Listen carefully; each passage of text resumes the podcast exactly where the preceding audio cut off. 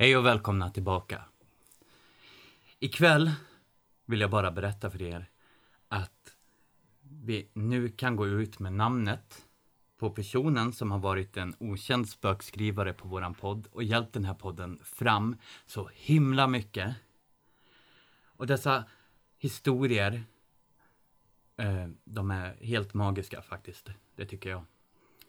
Och eh, hon heter Mikaela Smith. Så tack Mikaela för att du gör den här podden till vad den är och för att du har historier både för mig och för de lyssnare vi har. Tack så mycket. Det var allt jag ville säga till att börja med. Jag är glad att ni är tillbaka även denna vecka och lyssnar på mig. Och vi ska givetvis berätta en historia skriven av Mikaela. Här kommer Vänd dig inte om mörkret faller.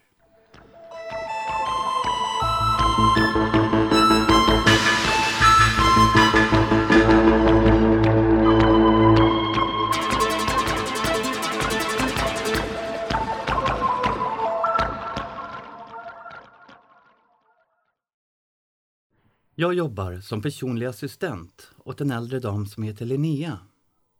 Linnea är nästan 80 år gammal. Hon bor ensam och sitter i rullstol så hon behöver ganska mycket hjälp. Vilket betyder att jag är hos henne ganska ofta. Vi trivs bra med varandra, jag och Linnea. Hon är en vänlig gammal dam, rolig också och väldigt allmänbildad.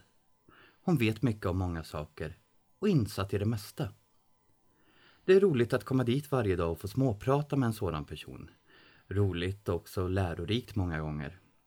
Knivskarp hjärna och ofta mer klarsynt än människor som är mycket yngre än hon själv.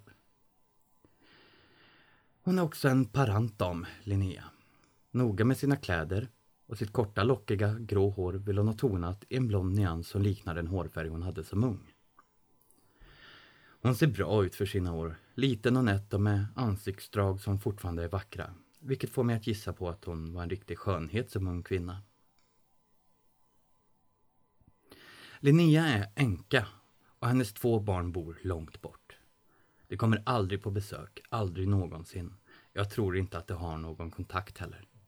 Hon pratar aldrig om dem och har heller inga fotografier på dem. I alla fall inga som jag någonsin har sett. Det är som att det finns överhuvudtaget inte och jag skulle inte ens veta om dem om det inte vore för att det står i hennes papper att det existerar. Jag vet inte vad som har hänt, varför det är så och jag har inte vågat fråga heller eftersom hon inte verkar vilja prata om dem. Så jag antar att det är känsligt och jag vill förstås inte göra henne ledsen. Så vi pratar aldrig om det, nämner inte med ett enda ord eller ens en antydning fast de måste veta att jag vet. Jag har alltid tyckt lite synd om henne på grund av det där. Försökt föreställa mig hur det skulle kännas. Men jag låter henne inte märka det, för vad vet jag egentligen? Det kanske är bäst för alla, på något sätt. Linnea bor i utkanten av stan, i en gammal fast renoverad arbetarbostad. Hon har alltid bott här, trivs bra där säger hon. Men det gör att det är lite långt till saker och ting. Inte gångavstånd till affären, stan, vårdcentralen och annat som man ibland vill eller behöver besöka. Hon har förstås färdtjänst men vill helst slippa. Hon påstår att hon känner sig mer handikappad än nödvändigt när hon åker färdtjänst. Och i viss mån kan jag faktiskt förstå det. Därför händer det att jag tar med henne i min privata bil och så gör vi små utflykter tillsammans som vi båda uppskattar lika mycket. Jag har varit hos Linnea länge. Så länge att vi numera börjar betrakta oss som goda vänner snarare än någonting annat. Och det börjar nästan kännas lite konstigt att få betalt för att hälsa på henne. Men ja, jag måste ju försörja mig på något sätt. Jag trodde att jag visste det mesta värt att veta om Linnea efter alla dessa år. Men i vintras visade det sig att det gjorde jag inte. I vintras fick jag en rejäl överraskning. Och jag önskar att jag sluppit, det gör jag faktiskt. Dagen när det hände var mörkgrå och snöig. Det blåste snålvind och snön vräkte ner i stora snabba flingor som gjorde världen tyst och stilla. Kallt var det också och ganska halt på vägarna kände jag när jag åkte ut till Linnea den dagen. Vinterns dittills värsta oväder. Medan jag var hos henne förvärrades vädret ytterligare. Snön travade upp sig på fönsterkarmarna lik grädde på en semla. Strömmen kom och gick och nu blåste det så hårt att vinden tjöt runt knutarna. En riktigt rejäl snöstorm. Jag hade ingenting emot vädret egentligen. Jag tyckte att det var lite mysigt. Det är skönt att vara inomhus i värmen och titta ut på ett sådant oväder. Linnea satte på kaffe och tog fram bullar ur frysen som hon värmde i ugnen och sedan slog vi oss ner vid köksbordet och pratade strunt den sista halvtimmen av mitt arbetspass. Problemet var bara att när jag skulle åka hem så startade inte bilen. Jag försökte flera gånger. Men den ville inte. Den gav bara ifrån sig korta skorrande läten och till slut bara ett knäppande ljud. Jag vet inte vad som var fel. Jag kan ingenting om sånt. Jag visste bara att jag inte kunde få igång den och fiska fram telefonen för att ringa efter en taxi. Taxi, var god dröj, svarade en monoton röst i andra änden. Ja, naturligtvis, muttrade jag för mig själv och trummade med den lediga handens fingrar mot ratten. Men det gick ju inte fortare för att jag blev otålig och irriterad så jag suckade och lyssnade på ytterligare några Taxi, var god dröj innan batteriet i mobilen plötsligt tog slut. Förmodligen precis innan det äntligen skulle svara, tänkte jag grinigt och slängde ifrån mig den döda telefonen på passagerarsätet. Det fanns bara en sak att göra. In till Linnea igen och be att få låna hennes telefon. Är du tillbaka? sa hon när hon fick syn på mig. Glömde du någonting? Jag förklarade läget och bad att få låna telefonen, vilket jag fick. Men Linnea hade bara landlina och när jag lyfte på luren kom ingen kopplingston. Typiskt. Jag satt fast. Det var långt hem och i det här vädret fanns det inte på kartan att jag skulle gå. Bilen startade inte och det gick inte att komma ut på telefonen. Ingen laddare hade jag med mig till min mobil heller. Note to self, tänkte jag. Ta alltid med den här efter. Ja, jag kommer inte hem, sa jag och slog ut med armarna i en hjälplös gest. Jag hoppas att jag får stanna hos dig ett tag. Så besvärligt, kära du, sa Linnea och lät bedrövad, men jag såg nog den belåtna glimten i hennes ögon. Naturligtvis får du stanna här tills det ordnar sig. Kom och sätt dig här och prata lite medan vi väntar. Och så blev det.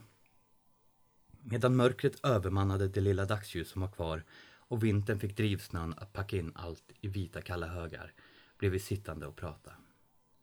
Då och då försvann strömmen en kort stund så att det blev helt mörkt, men den kom alltid tillbaka efter en liten stund. Telefonen var och förblev död.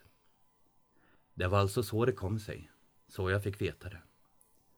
När det tog slut på småprat blev det annat sorts prat. Om viktigare saker, om gamla tider.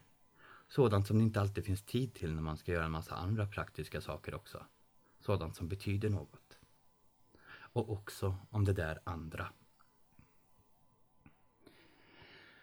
Det började med att jag frågade hur länge hon egentligen bott i huset. Ja, vi flyttade hit i början på 50-talet, mina syskon, föräldrar och jag, svarade hon till min förvåning. Jag var 11 år då. Tänk vad tiden går va? Men på den tiden såg det förstås annorlunda ut. Stan var inte lika stor och låg lite längre bort. Vi var ganska ensamma här ute. Huset är ju en gammal arbetarbostad. Det var här förmannen bodde. Och en bit bort låg ett gammalt grustag som var nedlagt sedan länge redan när vi flyttade hit. Pappa fick huset billigt för det var ganska nedgånget efter att ha lämnats åt sitt öde. Under en lång tid ägnade pappa all sin lediga tid åt att renovera. Till slut blev det riktigt fint. Men det fanns en sak som gjorde huset ganska speciellt, även om jag inte förstod det då. Någonting pågick där. Någonting utöver det vanliga normala. Varenda morgon hörde vi en vällingklocka ringa någonstans i närheten. Och en stund senare hördes trampet av tunga kängor, hästhovar och vagnhjul som rullade i grus. Alltid på väg bort från grustaget. Alltid passerade den där osynliga samlingen vårat hus. Och sedan dog ljudet bort. Vi såg aldrig någonting. Men det var samma sak varje morgon. Jag vet inte om man brukar jobba nattskift i grustag eller om man gjorde det förr. Men här var det tydligt att nu var skiftet slut och arbetarna gick hem. Konstigt nog vande vi oss vid det där. Det blev normalt och ett alldeles självklart inslag i våra morgonrutiner. När man hörde vällingklockan visste man exakt hur lång tid man hade på sig till skolbussen gick. Hörde man skiftlaget passera visste man att man hade missat den. Så när man hörde dem trampa förbi i sina kängor så tänkte man ingenting annat än jaha, nu måste jag skynda mig. Ingen av oss tyckte att det var konstigare än så. Men det finns platser där man kan vara och det finns platser där man får skylla sig själv om man faktiskt är. Det fanns inga grannar. Om jag och mina syskon ville ta oss till någon av våra vänner fick vi gå, cykla eller be om skjuts. Jag kunde gå till min allra bästa vän, men det tog lång tid och man ville inte gärna gå ensam genom den mörka skogen när man skulle hem igen på kvällen. Ännu mindre ville man ta genvägen över grustaget fast den kortade vägen med nästan 20 minuter.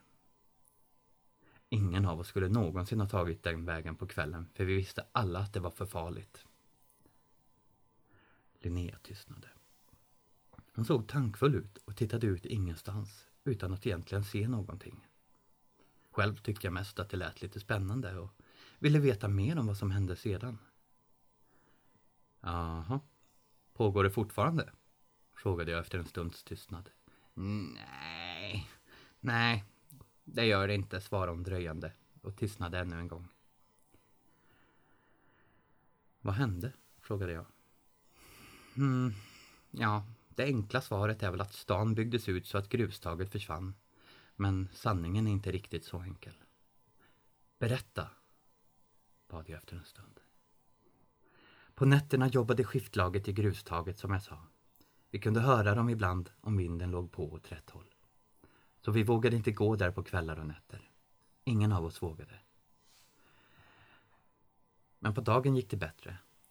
Och en dag hittade jag den där vällingklockan. Det var så dumt, men jag var så ung och jag förstod väl inte bättre än så. Jag tog med den hem till mig, förstår du. Och store Tore, vad har du nu ställt till med jäntunge? utbrast mor förskräckt när hon fick syn på den. Nu får männen aldrig lämna sitt skift. Inte hade jag tänkt på det. Mor tvingade mig att lämna tillbaka den där jag fann den, men jag vågade inte. Jag var så rädd att de som arbetade där på natten skulle vara arga på mig, att det skulle spöka för mig. Men jag blev tvungen, fast jag grät och skräck och försökte slippa. Min äldre bror förbarmade sig till sist och lovade att följa med mig och då kändes det lite mindre otäckt. Så vi gick tillbaka med vällingklockan. Det var skymning när vi kom dit och jag kunde inte minnas exakt var jag hade tagit den. Det började bli svårt att se skillnad på stenarna i det avtagande gruset och jag trodde inte att det skulle spela så stor roll var jag satte den så länge den var tillbaka i grustaget. Min bror stannade avvaktande i utkanten av området medan jag med hjärtat i halsgropen försiktigt tog mig fram till en lämplig plats. Till sist sträckte jag mig upp på tå för att hänga upp den på en krok. Spring Linnea, spring och vänd dig inte om! skrek min bror i samma ögonblick och jag släppte vällingklockan som for i backen med en skräll och sprang för allt jag var värd. Först när vi var nästan hemma vågade jag vända mig om, men då var det redan för mörkt för att se något. Efter den gången hörde vi varken vällingklocka eller stöveltramp och hästhovar mer. Och min bror vägrade att berätta vad det var han hade sett. Han fortsatte att vägra resten av sitt liv och jag fick aldrig veta. Men kanske var det lika bra det. Ingen sa någonsin något om grustaget och dess arbetares tystnad. Ingen låtsades om något. Inte jag heller, fast jag efter den händelsen aldrig fick vara i fred. Så fort jag var ensam utomhus kastade det grus på mig. Nävar med små vassa gruskorn som sved som nålar när det träffade. Ibland var det lite större småstenar och då blev det blåmärken som gjorde riktigt ont. Det satt kvar i veckor och jag kunde aldrig berätta för någon varför jag jämt hade så mycket blåmärken och småsår. Jag sa aldrig någonting till någon om det, förstår du. Jag antog att det var mitt straff för att jag tagit ifrån dem vällingklockan. Jag lämnade tillbaka den, men inte där jag tog den och jag vågade inte gå tillbaka och göra rätt. Mindes inte vad som var rätt längre heller för den delen. Så jag fick stå ut med det där. Det blev en riktig stugsittare ska jag säga dig. Det är inte roligt att gå ut under sådana omständigheter. Det är otäckt och det gör ont. Jag trodde att det kanske skulle sluta när jag gifte mig och flyttade härifrån, men det gjorde det inte. Det har följt mig hela livet, grusregnet. Jag blir fortfarande straffad om jag går ut ensam. Jag talar inte om det med någon eftersom det låter så vansinnigt, som om jag vore tokig. Jag vågade inte ens berätta det för min man och därför förblev han ovetande. Samma sak med mina barn. Jag kan helt enkelt inte förmå mig att berätta det. De kan inte förstå varför jag vägrar att gå ut ensam och har gjort det så länge det kan minnas. De tror redan att jag är knäpp och har tagit avstånd. Vad skulle de då ha trott om jag berättade sanningen för dem, tror du? Att osynliga händer kastar nävar med grus och småsten på mig om jag går ut ensam. Så jag tiger. Tiger och stannar inne så länge jag inte har sällskap.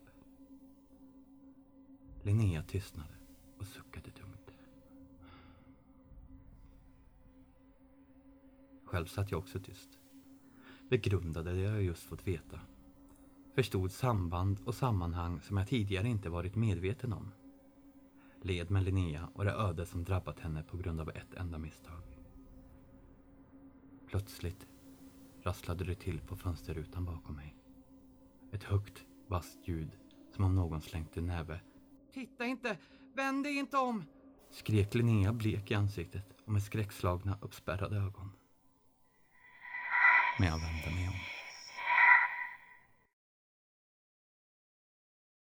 Tack för att ni lyssnat på dagens avsnitt av När mörkret faller. Här skriven av Mikaela Smith, våran spökskrivare, som inte längre är så hemlig.